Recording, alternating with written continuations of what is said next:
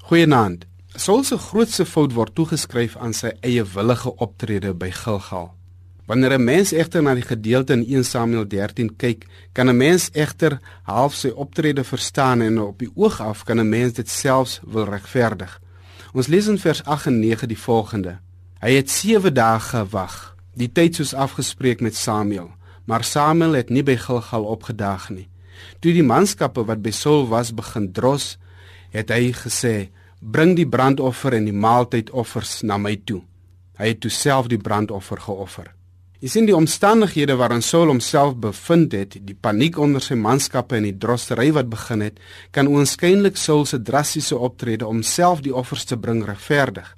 Boonop het hy tog al reeds vir 7 dae lank gewag, die tyd soos afgespreek met Samuel, maar Samuel het nie by Gilgal opgedaag nie. Ons eie standaarde kan egter nie die standaarde van God word nie. Hoe ons omstandighede ook al sê, dit gee ons geen reg om kort paaie en vinnige oplossings te soek en dan te dink dat ons nog steeds die seëninge van God sal beleef en in God se guns sal wees nie. In benoude oomblikke gryp ons ook maar na maniere wat ons meen God se guns sal wegdra. Ons handel ook maar onwelvoeglik met die beredenering en die regverdiging dat die oomblik die saak regverdig moes Saul nie maar eerder in sy benoudheid vir Samuel gaan soek het nie. Hy het dan al reeds 7 lange dae gewag.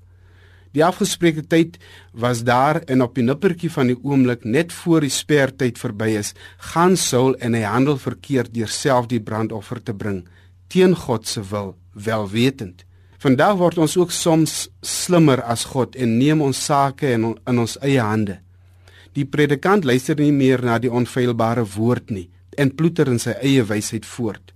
Die ouderling meen dat hy beter as die pastoor kan doen en raai die gemeente aan om eerder nie te beroep nie. Om mense tevrede te stel, skroom ons soms nie om standaarde af te breek solank mense tog maar net nie van ons gemeente en ons kerkverband wegloop nie. Ons buig agteroor om omstandighede tevrede te stel terwyl ons bewustelik en wetend vir God teleurstel. Ons word angstig soos Saul en vat die verkeerde kortpaaie. Die voorbeeld van die Christus dui egter op die ander pad wat ons moet vat.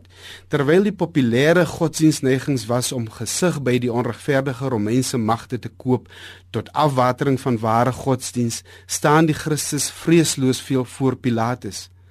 Terwyl die Fariseërs nuwe reëls en praktyke navolg om volle gehoorsaamheid aan God te ontwyk, verkondig die Christus absolute gehoorsaamheid aan God.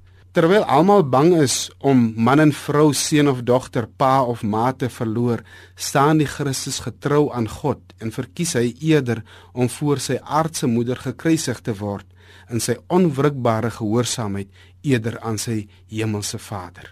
Amen.